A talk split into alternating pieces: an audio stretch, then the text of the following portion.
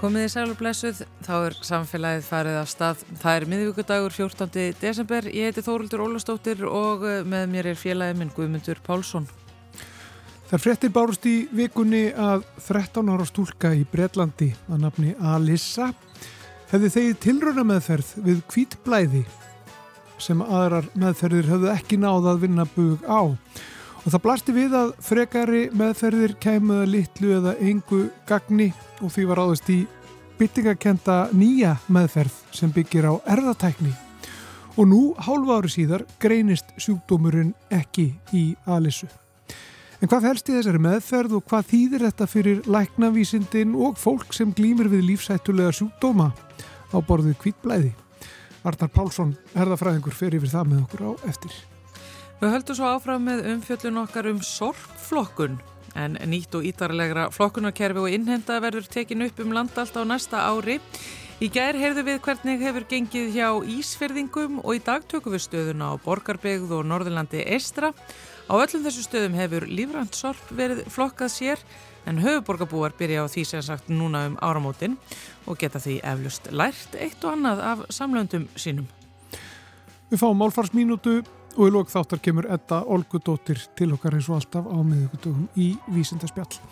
En við byrjum á bildingarkendri meðferð, lækninga meðferð, erðatækni.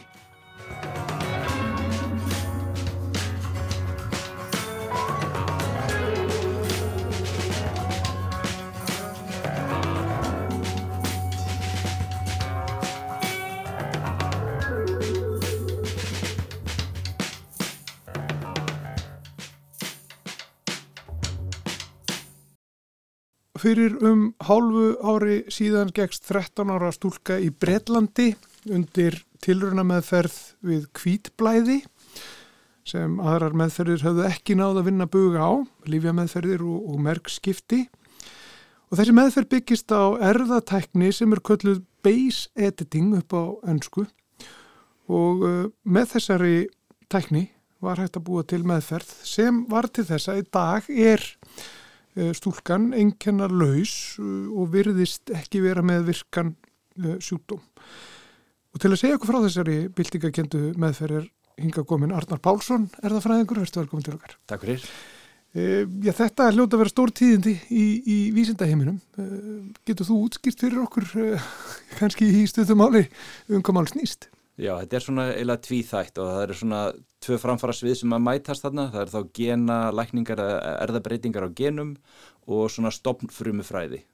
Þannig að, að bæði framfarir í þessi tækni sem að eh, kallu CRISPR-Cas í almenna máli. Þetta er þessi tilbreyðu við CRISPR-Cas sem er beitt þarna til þess að hérna, eiginlega svona eh, stróka út tiltekna basa og setja inn aðra basa og breyta þá virkni gena annarkvört um, bæta við virkni eða slá út virkni gena í ákveðnum frumum.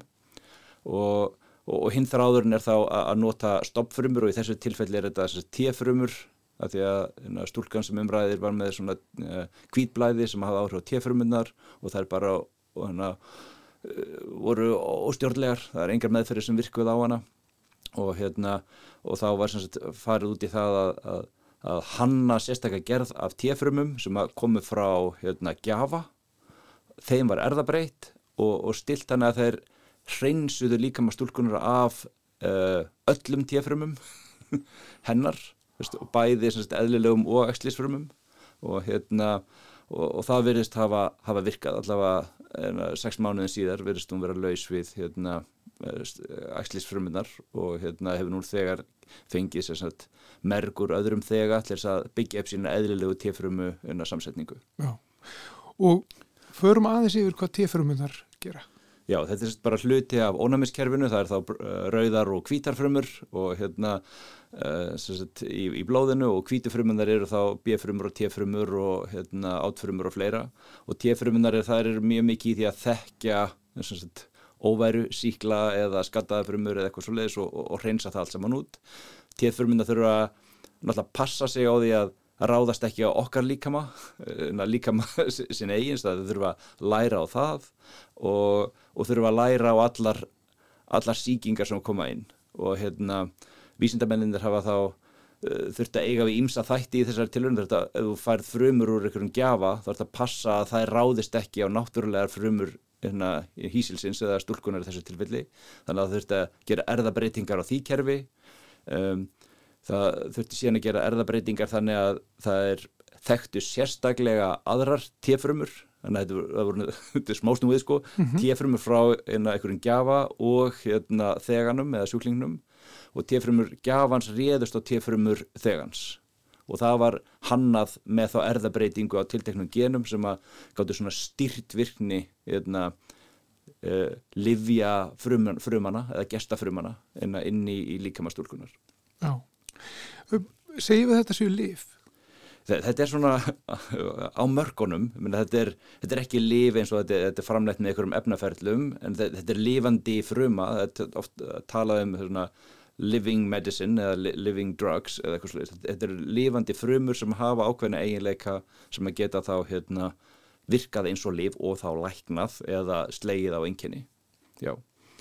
Og, og sko þessi, þessi tækni gengur út á það sem sagt að, að breyta einhvern veginn samsetningunni í, í frumónum ekki satt. Uh, getur þú útskipt fyrir okkur hvernig það er gert? Hvernig er hægt að sko suma inn á, á þetta eru miljónir frumnavendala sem það er að breyta? Já, það er svona uh, kannski byrjum á sagt, uh, því að, að með því að nota stofrumur úr okkur um annari mannesku þá hérna, getur þú framkvæmt erðabreitingar og skimað fyrir frumum sem eru með eiginleikar sem hún vilt. Hérna, og þá einangra eru þær frumur sem að hafa A, B, C og D. Hérna, það er erðabreitingar sem þú þart í þessu til við eru fjóra breytingar gerðar til þess að fá fram fjóra ólíkara virknir. Og þeir fullvisiðu þessu um að ákveðar þessi T-fruma var með þá eiginleika og það var þá hægt að hérna, fjölga þeirri frumu og af henni kom eh, lífandi lífið sem við rættum um og, og þá var þetta að dæla því inn í sjúklingin og, og fá fram hérna, æskilega svörun. Um, hitt vandamáli verið verra ef við ætlum að reyna erðabreita frumunum inn í líka með mokkar. Meina, þetta er hérna, mögulegt að því að þú ert að fara með frumur utanfrá inn í líka með á eitthvað svo leiðis. Þetta er miklu erfiðar að segja við ætlum að lækna húðina okkur. Mm. Þá mhm. þurftur að erðabreita öllum stoppfrumum í öllum sekkjum allstaðar á allir húðun okkar og það er náttúrulega bara vita málust að því að þá, þá það er engin leið að fullfæsa um að hver einasta fruma hafi verið erðabreita réttan hátt þannig að hérna svona genlega hafa mikil tækifæri en tækifærin er kannski meiri ákveðnum sviðum en öðrum. Það er ekki þannig að við getum læknað stór lífæri eins og húð eða kannski hjarta með, hérna, með því að erðabreita ákveðnum frumum í þeim vefjum. Það er, það er miklu erfiðara, ég segja. En til þess að þetta gangi þá þurfti að, að, að fjarlæga förumönda sem voru fyrir eða hvað? Með einhverjum hætti?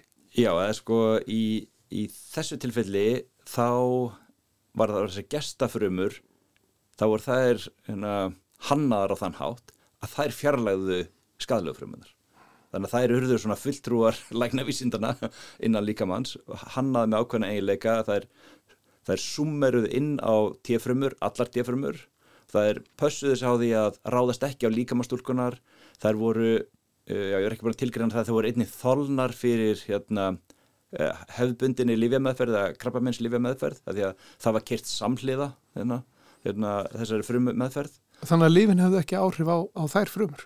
Nei, nei krabbamenns lífin hefði ekki áhrif á þær frumur. Það er gott við, viðhaldist og fjölga sér og, og haldið fram sínu starfi. Og, og svo fjórða atriði er þá svona ákveðin dulbúningur. Þannig að, að gesta tíafrumunar voru dulbúnar. Þannig að það var hérna, klift af þeim hérna, ákveðin svona ákveðin merki sem eru á vitræbyrðið þeirra. Þannig að, þannig að það réðist ekki á sjálfan sig. Já, sem er náttúrulega bara algjör snilt hérna. það var einspurning sko, hvernig er þetta framkvæmt í, í praktík? Viðfangsefni er mjög stort við erum með erðamengi upp á þrjá miljardar basa á einlitna formi og, og hvernig getur þú farið og, og skrifað skipt út einum bókstafi, einum basa eins og við erum með þessa fjóra basa í DNA-inu á ákveðinu stað til þess að fá fram ákveðinu einkenni og, og það byggist alltaf þessari CRISPR-Cas tækni sem er eiginlega svona einhvers konar leitarstrengjar aðferð. Þannig að það er notaður strengur af hérna, kjartsýru sem að e, bara á grundvelli basaraðar getur bundist á ákveðin stað í alltaf þessi þryggja miljardar mengi. Og, hérna, og þá sendiru um, rítilinn þar inn og, hérna, og þessi leitarstrengur og upplýsingar í honum segja að þarna nákvæmlega þessi basi stöðu 275 í þessu geni taktu þetta sé út og settu tíu í staðin sem er bara svona mjög, mjög markvis þá svona rítstýring eða leiðréttinga á, á erðafninu og, og þetta er hægt bara svona ég hvað var að segja sko, ég meina þetta er þetta eru þetta eru áþreifanlegir sko hlutir, ef maður getur sagt það sko. Þetta, er, bara, þetta eru frumur í, í líkama já, sem það þarf að breyta. Já, já, já, þetta er hérna það er bara mjög mikið gerst í erðatækni bara á síðust síðustu já, 10 til 15 áratugum, árum en frá því að þessi CRISPR-Cas kerfi kom inn og hérna það sem að bildingin var það að hérna, erðartæknin fyrir þann dag var svona meira já, sleggja og hamar og, og meitlar og það sem að vera að brjóta og, og skjóta inn stórum pörtum og alls konar slíkt og það er mjög, mjög gróf ingripp hérna, kannski hugsa um skrimsli Frankensteins á móti hérna fríðu og, en ekki dýrinu. Hérna, þannig að það eru sagt, miklu nákvæmari yngripp og aukaverkanir eru minni og, hérna, og það er hægt að skipta út stökum bösum, bara breyta einum basa í annan og þá getur slögt á geni eða það sem að fólk er þá líka farið að spá aðeins í um, sérstaklega með þá blóðsjúkdóma er hægt að leiðrætta blóðsjúkdóma eins og hérna, siðkornablóðleysi eða, eða aðra gerðir af hérna, að blóðleysi með því að bæta virkni glóbínana eða eitthvað annar að gena til dæmis. Ó. Ef við tölum aðeins bara þá víðar um, um genalækningar eða erðalækningar, mm. uh, hversu langt eru við komin þar? Er þetta mjög uh, stóru uppkvötun uh, í, í, í þeim fræðum? Já, þetta er svona það hafa verið nokkri, nokkri svona samhliða þræðir, fólk er búin að vera að vinna þessu hópur, hérna Wassam Kassam og félagar þannig að við University College London hafa verið mikið að eiga við hérna, blóðfrumu megin, hérna, því að það þá hægt að, að einangra frumur eða færa frumur og slíkt. Það er líka tölverta rannsóknum hvernig hægt er að lækna augnsjúkdóma. Það er svo tiltrúlega auðvelt að nálgast augu og segjum að, að meðhöndla ljósnæmarfrumur í botni augna og slíkt um, en hérna allt sem að er eiginlega í vinslu núna eru þá sagt, breytingar á líkumum einstaklinga eða spröyta leðréttum eða í þessu tilfelli frumum með ákveðna eiginleika inn í fólk til þess að reyna að yfirbuga krabbaminsfrumur eða ykkur megin hín megin gerðin af, af genalækningum væri kýmlínu breytingar það er þá að breyta erðarsamsetningu einstaklings eða fósturs á þann hátt að viðkomandi og afkomendur myndu erfa þá breytt gen eða í flestum tilvægum þá hugsa, fólk að hugsa um leiðrétt gen. Og þá væri það einhver leið til þess að yfirstíga banagen eða alvarleg einkenni sem koma fram á hérna, snemma á æfinni til dæmis. Hérna, en hérna það hefur allt sem að bara verið á hugmyndastíi og hérna og haldið til hliðar bara vegna þess að erðartæknin hefur verið þannig að hérna að vera ekki talið forsvaranlegt að, að, að rækta upp lítifóstur og setja í leg og fylgjast með hvað gerist af því við vitum ekki hversu nákvæm aðferðin er hvort að við séum að, að valda hérna, skada hérna. Mm -hmm. og hérna þannig að það hefur allt sem að verið bara út af borðinu að siðferðilegum ástæðum þegar við viljum ekki vera með yngripp sem að geta einhvern veginn búið til mannesku með hérna, alvarlega einkenni eða aukaverkanir eða eitthvað slíkt Já. Sem er fyllilega skiljanlegt Já, og, og það kvikna líka náttúrulega alls konar siðferðilega spurningar þegar við erum farin að, að beita svona aðferðum Nákvæmlega, nákvæmlega já. Já, En hvað þýðir þetta fyrir bara aðra sjúkdóma og meðferði við þeim? Já, það er svona ég kannski treysti mér ekki alveg til þess að hérna, úttala mig um hérna, mjög margar ólíkar gerði sjúkdóma en sagt, uh, grundvallar hugmyndin sem er allavega hérna, Vassan Kassim og félagar kerðu í þessu tilfelli þetta að erðabreita ákveðnum tífrumum hannaðar þannig að það er hérna, markvist herji á tiltekna frumigerð menn að það er eiginlega bara tilviljuna í þessu dæmi eru T-frumur að ráðast á T-frumur en þú gætir í ímyndaður að hægt vera að hanna T-frumur sem að ráðast á hérna, grunnfrumur í tilteknu meini í einhver ákveðna axli annar staðar líkamannum hérna. En eh, ég verði eiginlega að fá að vísa sko því á, á krabbaminslækna eða erðalækna sem að gætu, gætu svona útskýrta betur fyrir hversu líklegt væri að hérna að nota þetta á krabbaminn A, B, C eða D sko. Mm. -hmm. um, Hver er staða núna þá hjá, hjá þessari stúlku sem að núna verist vera enginn laus og laus við þennan, þennan sjúkdóm uh, sem er, er kvítblæði hennar tilfelli?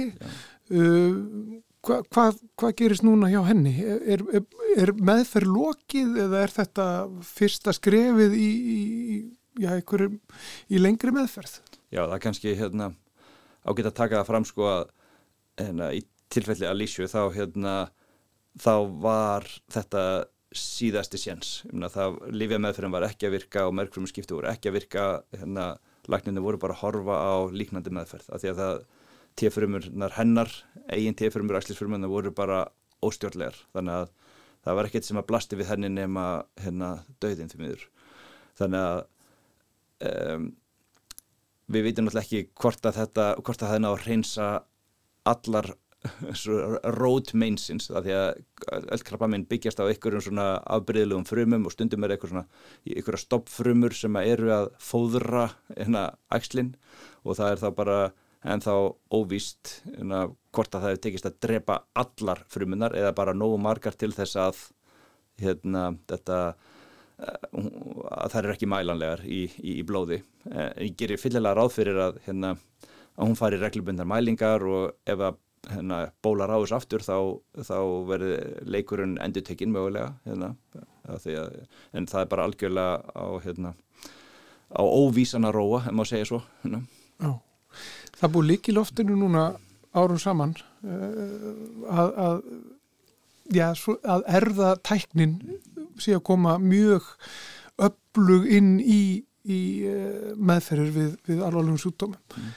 Erum við núna eru að fara yfir eitthvað þröskuld er það að gerast núna bara um þessa myndir og eru að sjá fram á miklu fleiri meðferðir og stærri uppgötanir núna á næstunni, getur maður sagt það?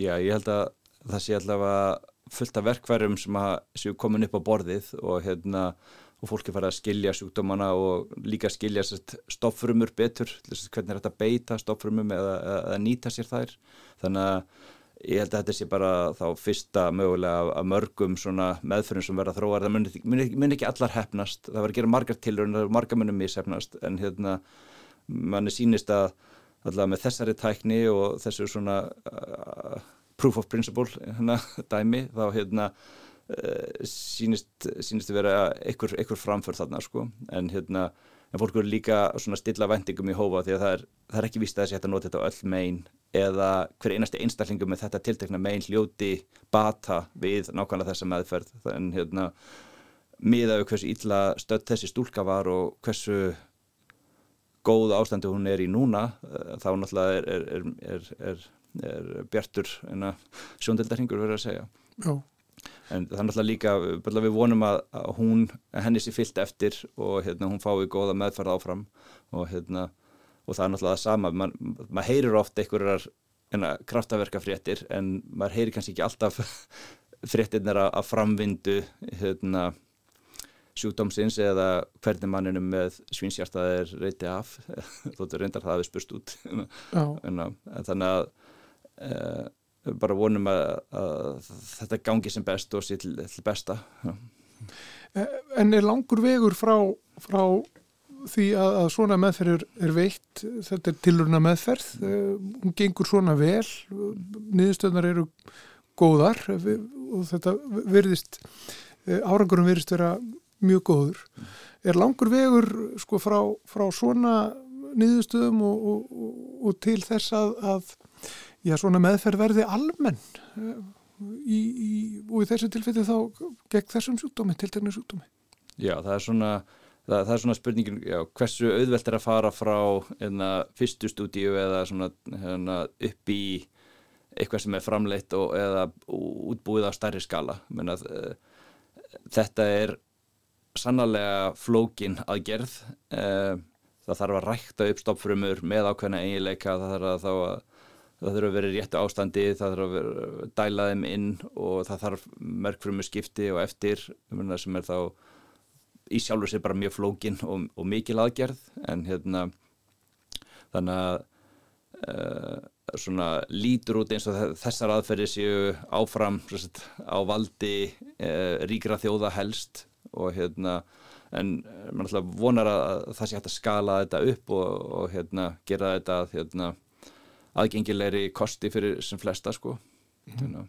en, en það er náttúrulega bara eins og með annars konar líftækni líf einnig, það eru svona framleyslu kostnaður eða flækjustig við, við að koma lífuna á leiðis og svo leiðis og sem er náttúrulega líka svona en að við sem aftur í stiðfræðina hvernig eigum við að fjárfesta í heilbyrðiskerfun okkar hérna en eigum við að nota 1% af hérna, budgetinu í svona lif eða nota 10% af budgetinu í svona lif hvað hefur nota mikið í aðra þætti eins og geðhelsu eða forvarnir eða eitthvað slíkt sko. þannig þannig að ef við tökum víðari vingilinn þá hérna, þá, þá er þetta, þetta er spennandi og hérna stórkostlegt, sérstaklega um að bjarga lífi ungs fólks en hérna helbriðs yfirvöld þurfa náttúrulega að taka ákvarðanir einnig um hversu mikið við getum nýtt af svona tækjum þegar þau koma, koma fram. Já, og svo í þessu tilfelli þá náttúrulega er þetta eh, sérstaklega gleðilegt einhvern veginn að sjúklinkurinn í þessu tilfelli er þarna þessi unga stúlka sem að eh, já, hafði ekki svarað öðrum meðferðum og verðist núna, já, að minnstakosti eh, eins og staðan er vera læknuð að þessum sjúkdómi. Já, já, það er náttúrulega bara algjörlega storkarslegt, allir sem að hérna, þekkja til eða meðhandla hérna börn með alvarlega sjúkdóma vita alveg hérna, hversu, hversu erfitt það allt saman er og hver sigur þar er, er, er, er stórkostlegur mm. Ljúkum þessu svona. Arnar Pálsson er að fræðingur Takk fyrir komuna. Já, takk fyrir spjallið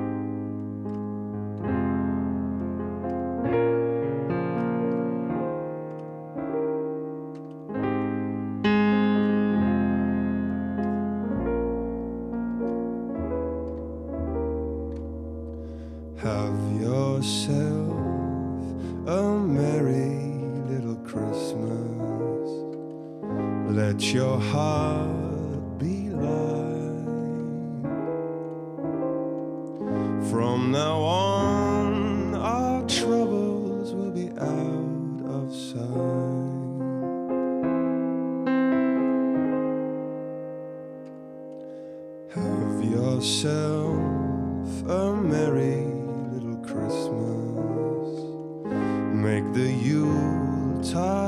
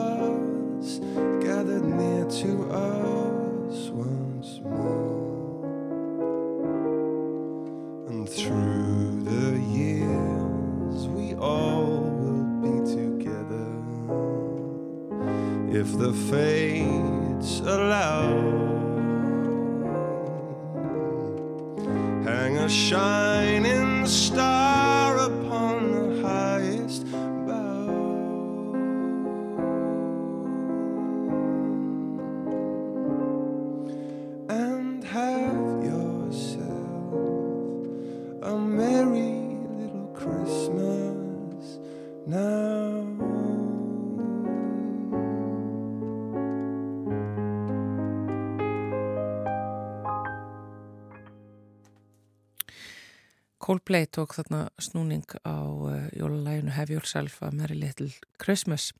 En við ætlum að halda áfram að ræða sorpflokkun hér í samfélaginu en uh, nýja reglur og lög um flokkunarkerfi sem taka gildi um landallt um áramótin hafa ítt almenningi í að velta þessum mikilvæga málaflokki betur fyrir sér. Á höfuborgarsvæðinu er stærsta breytinginu þetta svo að lífrænt sorp verður flokkað sér En það er nú hins vegar vekkferð sem mörg önnur sveitafjölug hafa hins vegar fyrir lifendaslöngu farið í. Við heyrðum ekki æri í Ísferðingum hvaða leiður og áskorunir þau hafa tekist á við í sorpflokkun. Við horti heimafólks til þessara mála allra sama útfarslutnar og við ætlum að halda áfram í dag. Heyrum í borgarbyggð hér á eftir hvernig sortflokkun er hátt að þar. Það er aðteklisvart að heyra svona í sveitarfélagi sem að er líka mikil sveit og svo færum við okkur norður í land Norðarmenn hafa einmitt þótt standa sig afskaplega vel í sorpflokkun, hafa náttúrulega flokkað lífrænt mjög lengi. Hvernig hittir þessi lagabreiting þau fyrir og hvernig ætla þau að skara fram úr núna þegar allir eru komnir um borð í lífræna flokkunavagnin? En við skulum byrja í borgarbyggð. Rafnildur Tryggvadóttir, þú ert deildastjóru umhverjus og frænkvandamála í borgarbyggð. Hvernig er sorpflokkun hátað þarna hjá ykkur? Jú, sæl. Herðu, við erum með þryggjartunnukerfi. Við erum sagt með gráa fyrir sorp og græna tunnu sem er fyrir plast, papir og málma og svo við, erum við með sérsöfnun og lífrænum líka. Og eru þið með þetta bara sagt þrjár tunnur eða eru þið að bjóða upp á eitthvað svona tvískipta möguleika eða eitthvað slíkt? Nei, við erum með þrjár tunnur og við erum með, við erum náttúrulega þannig sveitafélag, við erum gríðalega landstórt sveitafélag, þannig að við erum bæði með þjættbili og mikið dreifbili Þannig að við erum með aðeins mismunandi útværslar á stærðum á ílátum. Í, í dreifbílinn eru við með stór grænkör fyrir endurslúrgangin en, en svo eru við bara með hefðina tunnur. Þannig að svarta tunnur er 240 lítra og, og lífræna brúna er 140. Já. En í þess að grænu fer all, allur endur við slúrgangun. Það hefur verið í lagi hinga til. Því þurfum við að breyta það. Já. Hvernig er þessu háttað inni hjá fólki varðandi lífranna úrgangi? Hvernig er fólk að sapna þessu saman? Er það einhvers sko, svona sérstakka póka eða? Já, sko við, við vorum svo hefðið með það. Það var tekin ákvörðum sem þetta um að innlega lífrannan, sérsöfnum og lífrannum og þá skalla COVID. Þannig að við vorum í rauninni að dreifa tunnum og ílátum bara akkurat í miður COVID. Við ætlum að fara að heimsækja fólk og færa þeim tunnar af því að við létum fylgja með svona körfu sem þú sapnar í til að hafa inni og svo bara mægisboka með. Og hérna þannig að þú sapnar í mægisboka við erum það að vinna með þá. Já. að hérna hvert aukt heimil fekk svona körfu og mægisbokarúlu sem fólk er að nota. Og kaupi sér svo náttúrulega mægisboka og, og hérna og tæmi svo í brúnutunna Þið komið þessu ásegur í miðju COVID og hvernig gekk að breyta þessu þarna hjá okkur þegar þið eruð að byrja í að flokka lífurana? Sko það gekk bara framar á vonum sko það var í rauninni ekkert, hérna, ég held kannski var það líka ákveður lukka að vera að þessu COVID, fólk hafi nógan tíma. Eina sem við gáttum gert var að, var að senda dreifið og, og þú veist við, þetta var akkurat á þinn tíma sem enginn mátti hittast og þannig að tunnina voru bara skildar eftir og við vorum að blasta svo heimasíðin og sendum til dreifið og hérna við vorum bara mjög ána með bara fyrsta árið sko. Bæðið náttúrulega viðbröðum voru góð og, og bara það sapnaðist, ég maður ekki 130 tonna eitthvað á fyrsta árinu sko, þessu halva eða frá, frá fyrsta april Já.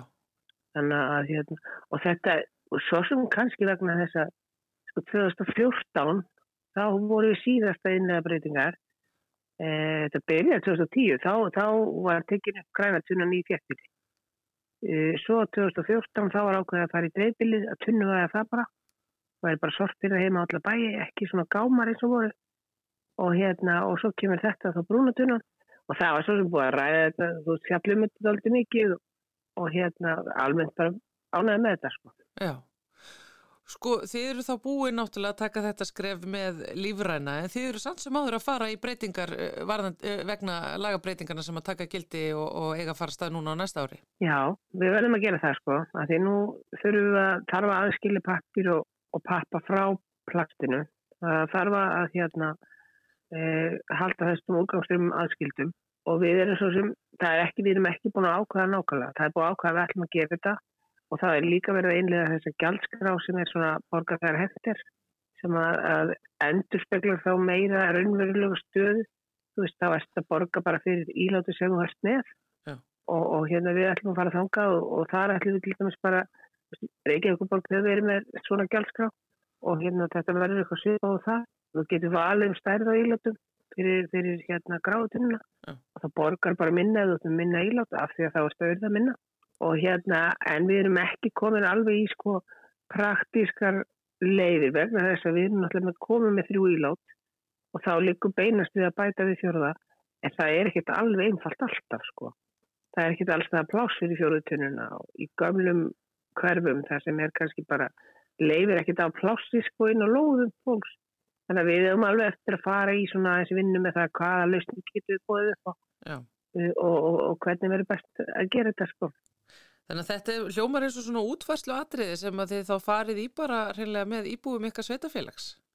Já, við verðum að gera það og, hérna, og hvernig við ætlum að hafa, þú veist, við erum með dreifili, þéttili, ætlum að hafa þetta bara eins alltaf eða einhvern mun sko, með hvernig gengum með hinnar og þá finnst mér líkilegt að verði bara farið í að, að breyta höllum en svo þurfum við líka að finna staði fyrir gremtastöðar og alls konar. Na, en eins og staðan er sko, 2021 til dæmis þá vorum við komin alveg niður undir 50% í örðun og það er bara mjög gott en við þurfum samt að gera betur. Og þannig að við þurfum að ná, ná enn minni örðun og það er rosa metnaða fyrir markmið framöndan við höfum að fara neyri 10% af öllum úrgangi sem fer í urðun. Þannig að við þurfum alveg heldur betur að halda áfram bara. Já, en allan á miða við það sem að hefur verið reynd hinga til hjá ykkur í borgarbygð og einmitt af því að þið eru náttúrulega þessi dreifða byggð líka þá bara gengur þetta vel. Viðhorfið er gott. Já, já, algjörlega. Og þeir eru að standa fyrir vel sko og þeir hafa áhuga og þeir eru, það eru íbúar að senda okkur post og spyrja og, og, hérna, og fylgjast greinlega vel með sko. þannig að við, þurfum, við, við erum alveg þeir eru með pustar á púlsunum sko.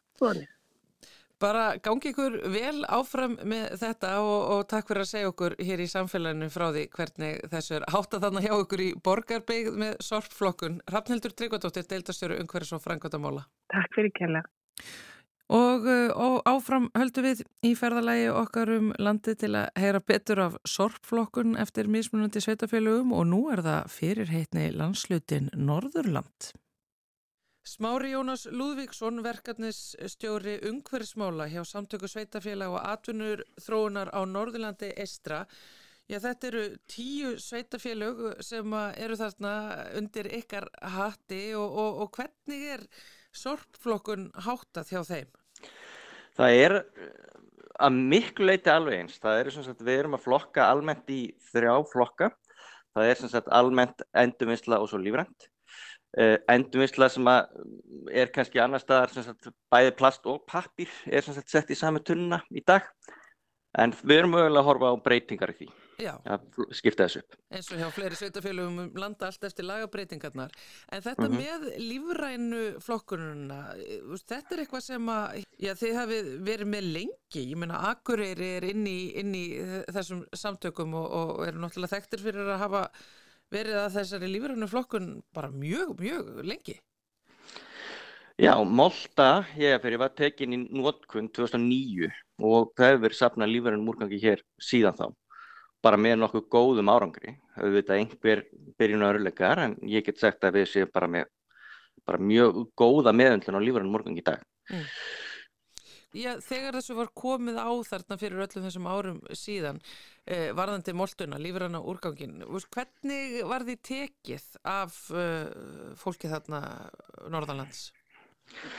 Það er nú alltaf þannig þegar það verða skipta um kerfi og taka upp að fólk eh, finnst erfitt að breyta til og gera einhvað nýtt. Eh, það gekk hins vegar bara almennt vel og í dag og eða nokkur árum eftir sagt, innleggingu þessa kerfis þá eru almenn ánægja um kerfið, við skulum orða það þannig. Já. Og þetta er ekkit mikil viðbótar eh, sagt, fyrirhöfn sem slíkt. Þetta breytir náttúrulega aðeins hvernig þú þarfst að sinna þessu innan hún séður en hérna, almennt hefur þetta gengið bara mjög vel sérstaklega svona núna 14 eða 13 árum síðar. Hvað myndur segja hafi verið svona helstu áskoranetnar sem þið stóðið fram með fyrir? Sko, það er náttúrulega alltaf þannig þegar þú ert að vinna með lífranna úrgang eins og þú veist svo sem í dag þegar þú ert að henda þessu í almennutununar að það kemur frá sér lykt. Eh, það hefur náttúrulega verið þannig að lífrann úrgangur er ekki til mikil að trafala á vetunar sem að ef þú ert ekki að tæma þetta of sagt, eh, langt á milli þar sem við erum að tala um kannski 34 vikur í mestalegi á veturnar. Mm. en hins vegar á sumrin þá þarf að gera þetta örar sagt, á alltaf tveggja vekna fresti. Eh, en sko, skemur en það hefur ekki endilega þurft. Uh, en það finn langa eftir bara veðri, hýta og annað aðstæðavarandi það. Og sumir hafa náttúrulega verið fúlir uh, þegar það kemur líkt úr þessu því að þetta er náttúrulega mjög, uh, hvað maður segja augljóst þegar það gerist.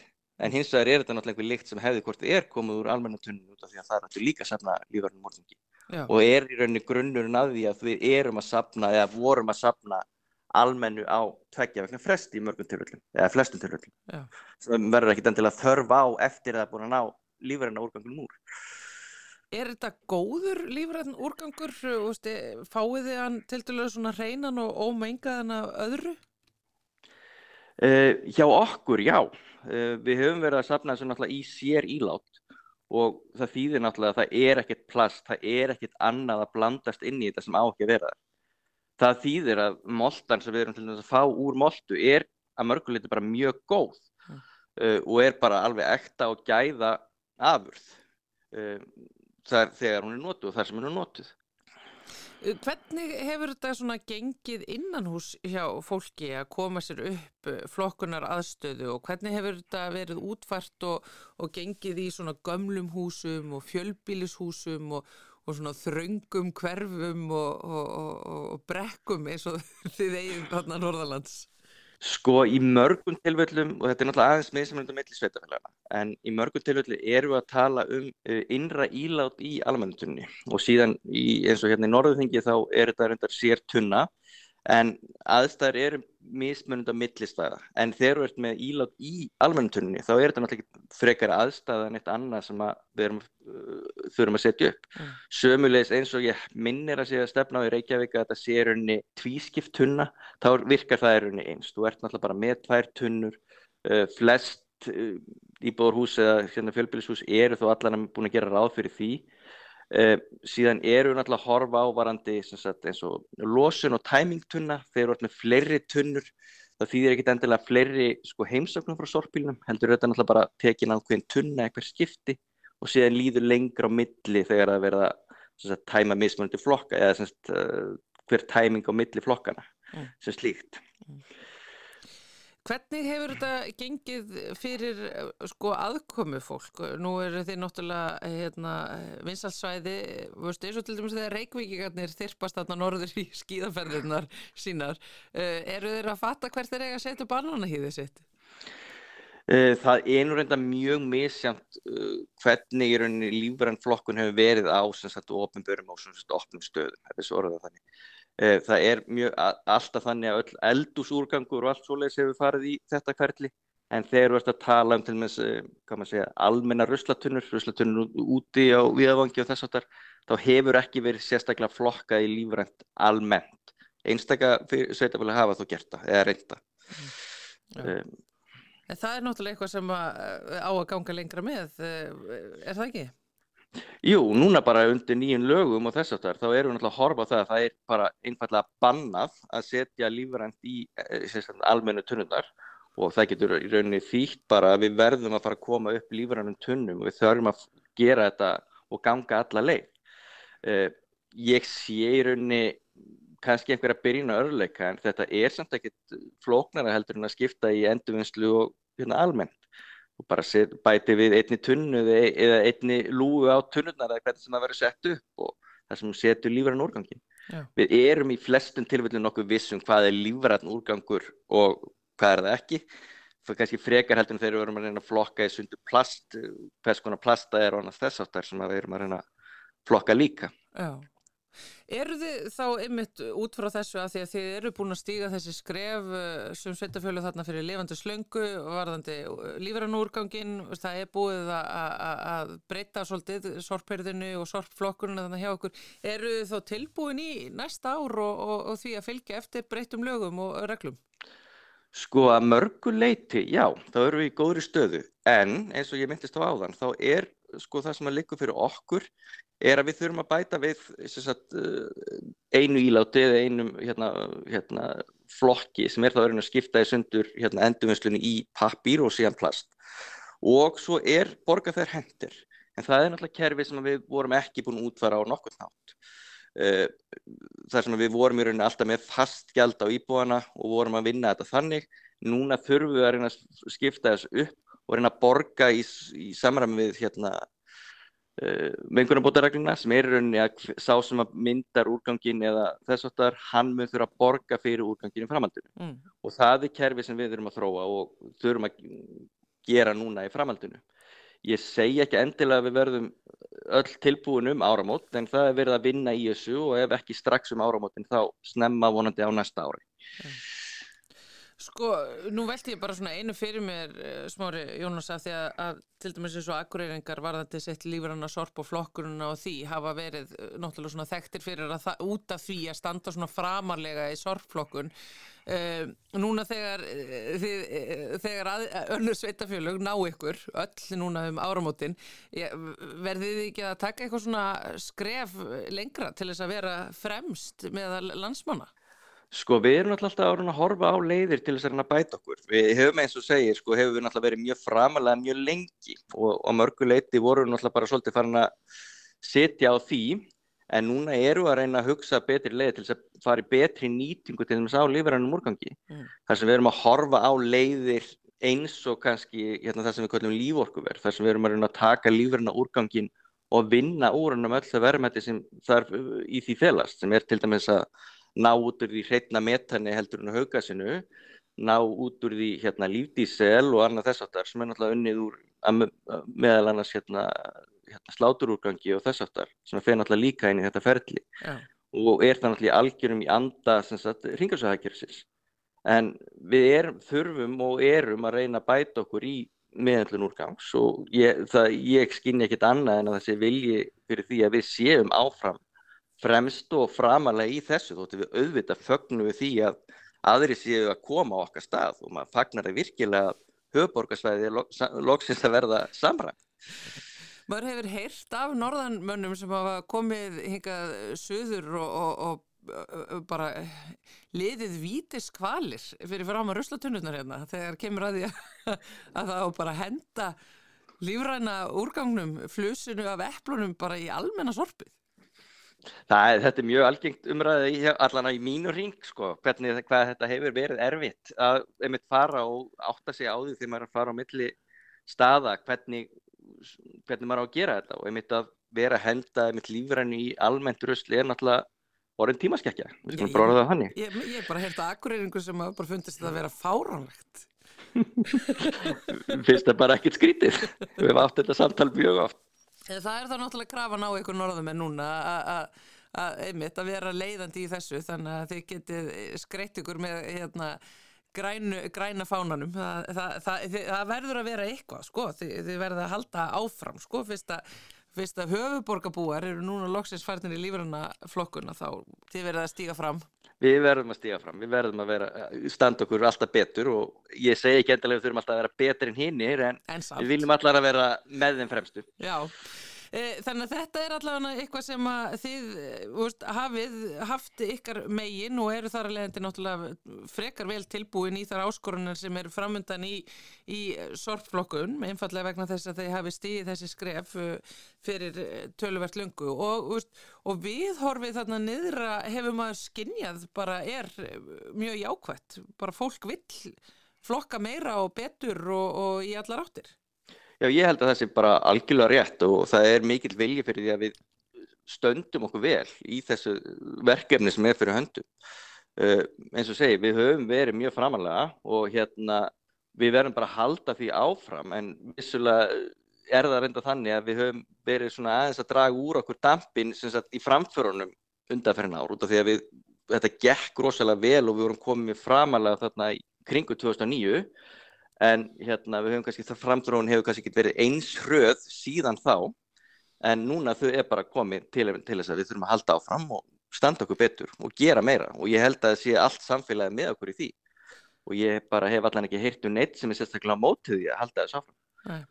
Áfram við, Norðumenn, takk hérlega fyrir spjallið eh, Smári Jónas Lúðvíksson verkefnastjóri umhverfismála hjá Samtöku Sveitafélag og Atvinnuþróunar á Norðurlandi Eistra Takk fyrir Viljum hér eftir smá stund að eh, ræða við hana Eddu Olgudóttur. Hún er með nýjar frettir úr heimi vísindanna en fyrst heyru við eina málfarsminútu.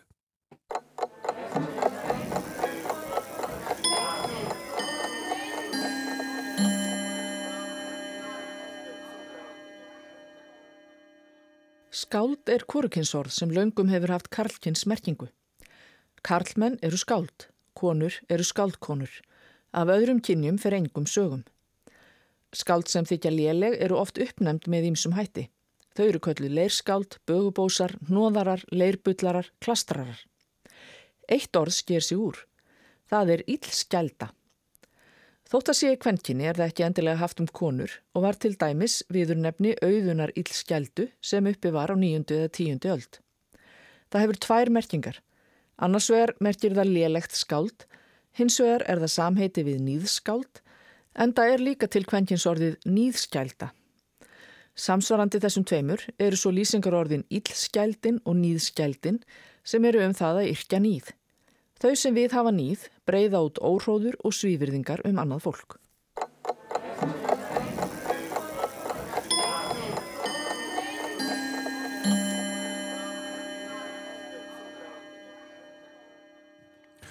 Ármálfars mínútan að baki og hún er sérst hjá okkur Etta Olgudóttir. Við vorum að tala áðan við hann Arnar Pálsson um uh, byltingaketta meðferð sem byggir á erðatækni og við ætlum að halda okkur á svipum slóðum eða ekki? Jú, svona svolítið. Allavega erum við að fara að horfa á hérna, hvernig erðatækni getur hjálpað okkur í meðferðum sjúkdóma og í þetta skipti erum við að fara að tala um Huntington sjúkdómin sem er hérna ættgengur taugarhörnarnasjúkdómur og hann er svona í yfirgnæfandi hérna, fjöldatilfella þá er hann ættgengur. Það er cirka 10% tilfella þá hérna, erfist hann ekki En það sem að gerist það er semst til þetta Huntington gen eða HTT og á því eru endurtekningar af basaröðinni CAG og þessir þrýr basar koma fyrir í endurtekningum undir eðlilegum kringumstæðum mm. en endurtekningarnar eru yfirleitt ekki fleiri en 35. En þegar þær verða svo fleiri að þá getur, þá er voðin vís vegna þess að þá fer hérna prótínið að rugglast Þessir hérna þrýr basar þeir búa til eða, eða skrá fyrir aminosýrunni glútamín og þegar hún er komin fyrir hérna oftar en 35 sinnum og stundum alveg upp í sko 120 sinnum að þá verður prótíni, hefur það ekki rétt að virkni og fer að örfa niðurbrott hérna taugafrumlana þar sem þeir eru tjáð og það er sem sagt vegna eins og ég segja að þetta er taugarhörnuna sjúkdómur og þessi, þetta prótín kemur helst fyrir í heila og þegar að hérna, þetta óeðlilega eintak er farið að ná yfirhöndinni að þá örvar það niður brot taugafrumnana og þær fara bara að deyja. Þannig að engkennin af Huntingtons eru oft svipuð og bara Parkinsons eða Alzheimer's. Fólk hérna í fyrsta lagi missir svona, missir oft stjórnarhreyfingum sínum bæði ferða að hérna, gera eitthvað hreyfingar ósjálfrátt en líka ræður svo ekki við að gera það sem því finnst eðlilegt að gera. Og það fyrir líka bara verða ákveðin svona rugglun, hérna fólk bara gleymir, man ekki hvað var að gera, verður kannski áttavilt, veit ekki hvað það er. Og oft verður þetta svolítið svona aggressív enkenni og sérstaklega kannski í þessum hérna persónuleika breytingum að fólk verður breytir því hvernig það eiginlega hagar sér. Já, það er náttúrulega vesinu með tögakerfi sko því að það einhvern veginn bæði tekur frá manni líkanlega getu en líka andlega. Einmitt, sem er rosa rosa von. Það er hræðilegt. Og þessi sjúkdómur, af því hann er ættgengur, kemur hann oft fram, að meðaltali kemur hann fram millir 30 og 50 og það er í raun og veru engin lækning til við honum eins og staðan er núna og það sem að hérna gerist þegar sjúkdómurinn fyrir að hefst þá tekur ekkit mjög langan tíma fyrir hann að ná yfirhöndinni og fólk hérna deyr. Og því miður þá er það þannig að mjög, hérna, að mjög stórt hlutfall þessar sjúklinga deyr úr sjálfsvíi vegna þess að þetta er kannski svolítið hérna, getur maður sagt bara svolítið yfirþyrmandi að horfa, horfast í augu við þetta Já, ég minna sérstaklega sko ef við förum yfir bara þessara svona andlegu breytingar mm -hmm. sem mhm. að verða á fólki að þá e- ertu eins og ég er að lesa bara hér lýsingarnar og þú ert ekkert lengur sama manneskja. Nei, raun og veru ekki og það getur, hérna, það getur einmitt verið eitt af ennkennunum og fyrir svona hérna fimm árum að þá fór uh, fyrirtæki sem heitir Rós á stað með rosa flotta rannsók þar sem þau voru að skoða meðferðar úrræði þar sem þeim voru að koma inn í þessar frumur, hérna heilafrumurnar, eh, RNA sameint sem er í raun og veru speiklun af geninu eða speiklun af mRNA-inu sem er, hérna, verður, sem er afurð gensins mm. og hugmyndin var að RNA-sammyndinar, mRNA sem að frumann býr til og svo ja. RNA-sammyndin sem er sett inn, að þær myndu binda saman og þannig myndi lifið, þetta RNA-lif, hindra myndun prótínsins. Og þá hérna bindast RNA-sammyndina saman og svo fara það bara í niðurbrót og þessi hérna tilraun, hún fór klín, það voru búið að gera alls konar prí, eða fór klíniska rannsóknir búið að gera á örfám einstaklingum og þetta reyndist bara vel. Og svo árið 2017 og þá fer þessi hérna, fer þessi rannsókn lengra og er farin í klíniskar prófanir á stærri hóp en svo þurftu að slaufa henni vegna þess að erina samindin eða lifið, það var ekki nóg sértækt á hérna gallaða eintækið vegna þess að við, þeir sem að eru, þeir sem að bera þetta gallaða eintak af Huntington geninu, hefur, þeir hafa alltaf líka eitt heilbritt eintak. Og í upphafi lífsins að þá er það það eintak sem að í raun og veru hefur yfirhöndina í líkamannum og það er það sem að, að stjórnar sko virkni prótínsins og svo fer hitt að byggjast upp og það fer að taka yfir. Já. Þannig að þegar að hérna, þessi meðferð kemur til að þá er mjög mikilvægt að við séum bara að taka út gallaða eintakið vegna þess að heilbreiða eintakið það er að vinna mjög mikilvæg að vinna. Þannig að þeim hérna klínisku rannsóknum var hægt en núna eru við að komin á hérna svipa slóðir og við vorum hérna 2017 vegna þess að við erum að hugsa semst, meðferðin sem að, að við erum að fara mögulega að prófa í klíniskum rannsóknum aftur. Hún byggir á svipuðri hugmynd nema nú erum við að nota CRISPR-Cas-kerfið til þess að koma þessu RNA inn og til þess að brjóta niður RNA-samindina sem að býr til ónýta prótínið. Já. Og CRISPR-Cas, við höfum stundum talað um það áður, þetta er svona ónæmiskerfi bakterja og bakterjir eru bara þeirra erðaefni er ofbosla pakkað að þær hafa ekkert pláss fyrir eitthvað ruggl og það, þeirra erðaefni er bara sett saman veist, það er eins lítið af hérna, innan gæsalappa röstli og mögulegt er. Bakterið eru náttúrulega magnaðar Þær eru magnaðar. Já, já. og þær nota krispur til þess að verja sig gegn veirum sem að ráðast á bakteríur. Það hafa ekki tíma eða pláss fyrir stíkt. Nei, einmitt. Og þær, hérna, ég man aldrei hvað krispur stendur fyrir en þetta sagt, lýsir allavega því að það eru svona litlar eða stuttar um, endurtekna raðir sem að koma saman og þær tákna uh, erðaefni veiru sem að semst, þegar að þetta er tjáð að þá binst það við erðaefni veirunar þannig að þeir vita já þetta er óvinnur ég ætla að klippa þetta niður mm -hmm. og af því að þetta er allt svo saman þjappað og allt svo hérna einhvern veginn skilvirt að þá er CRISPR-Cas mjög hérna það er rosalega nákvæmt kerfi og það er það sem við höfum verið að nota það í okkar rannsóknum þegar eftir að við uppgötum það að þá erum við að nota það til að erðabreita og það sem að það gerir það, veist, þeir, það, hérna,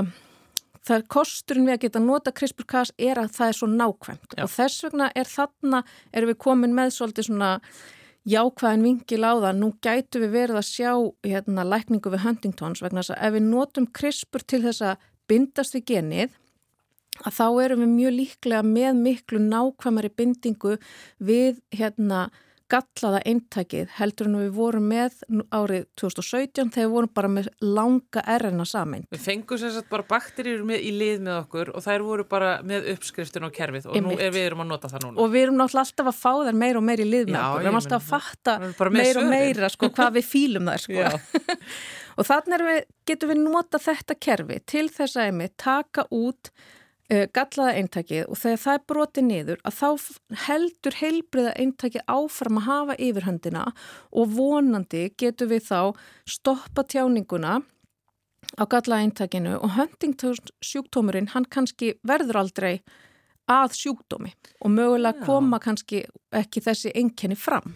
Hann heldur þá eh, samt alveg áfram að vera eh, sko eitthvað sem er erfist en hann, hann, bara, hann fær aldrei að spila svo út. Já. Og þá skiptir það kannski einhver máli. Sko. Nei, alls ekki. Þá er þetta bara eins og margt annað skrifað inn í þessar runur í okkur. Einmitt, þetta er þarna en það skiptir einhver máli og, hérna, og þau prófuðu þetta í sko taugafrumum úr fólki með Huntington sjúdóminn og prófið þetta líka í músamódelum, það er að segja músum sem að voru útsettar fyrir því að fá Huntingtons og það kom rosa vel út uh, og við skulum bara hafa í huga samt að það er hérna fór klínísku rannsóknir sem við sáum hérna árið 2017 að þær hérna þar var líka kom mjög jákvæða niðurstur en það hérna kom svo ítla út þegar við fórum í klínisku rannsóknunar því miður.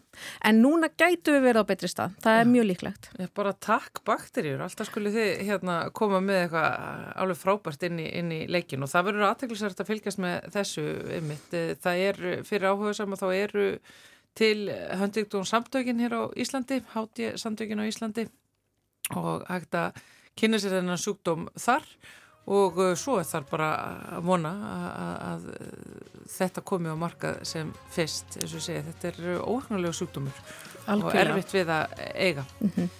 Aftur, uh, takk fyrir þetta uh, elsku Edda Olgudóttir um, takk bakteríur eins og við segjum.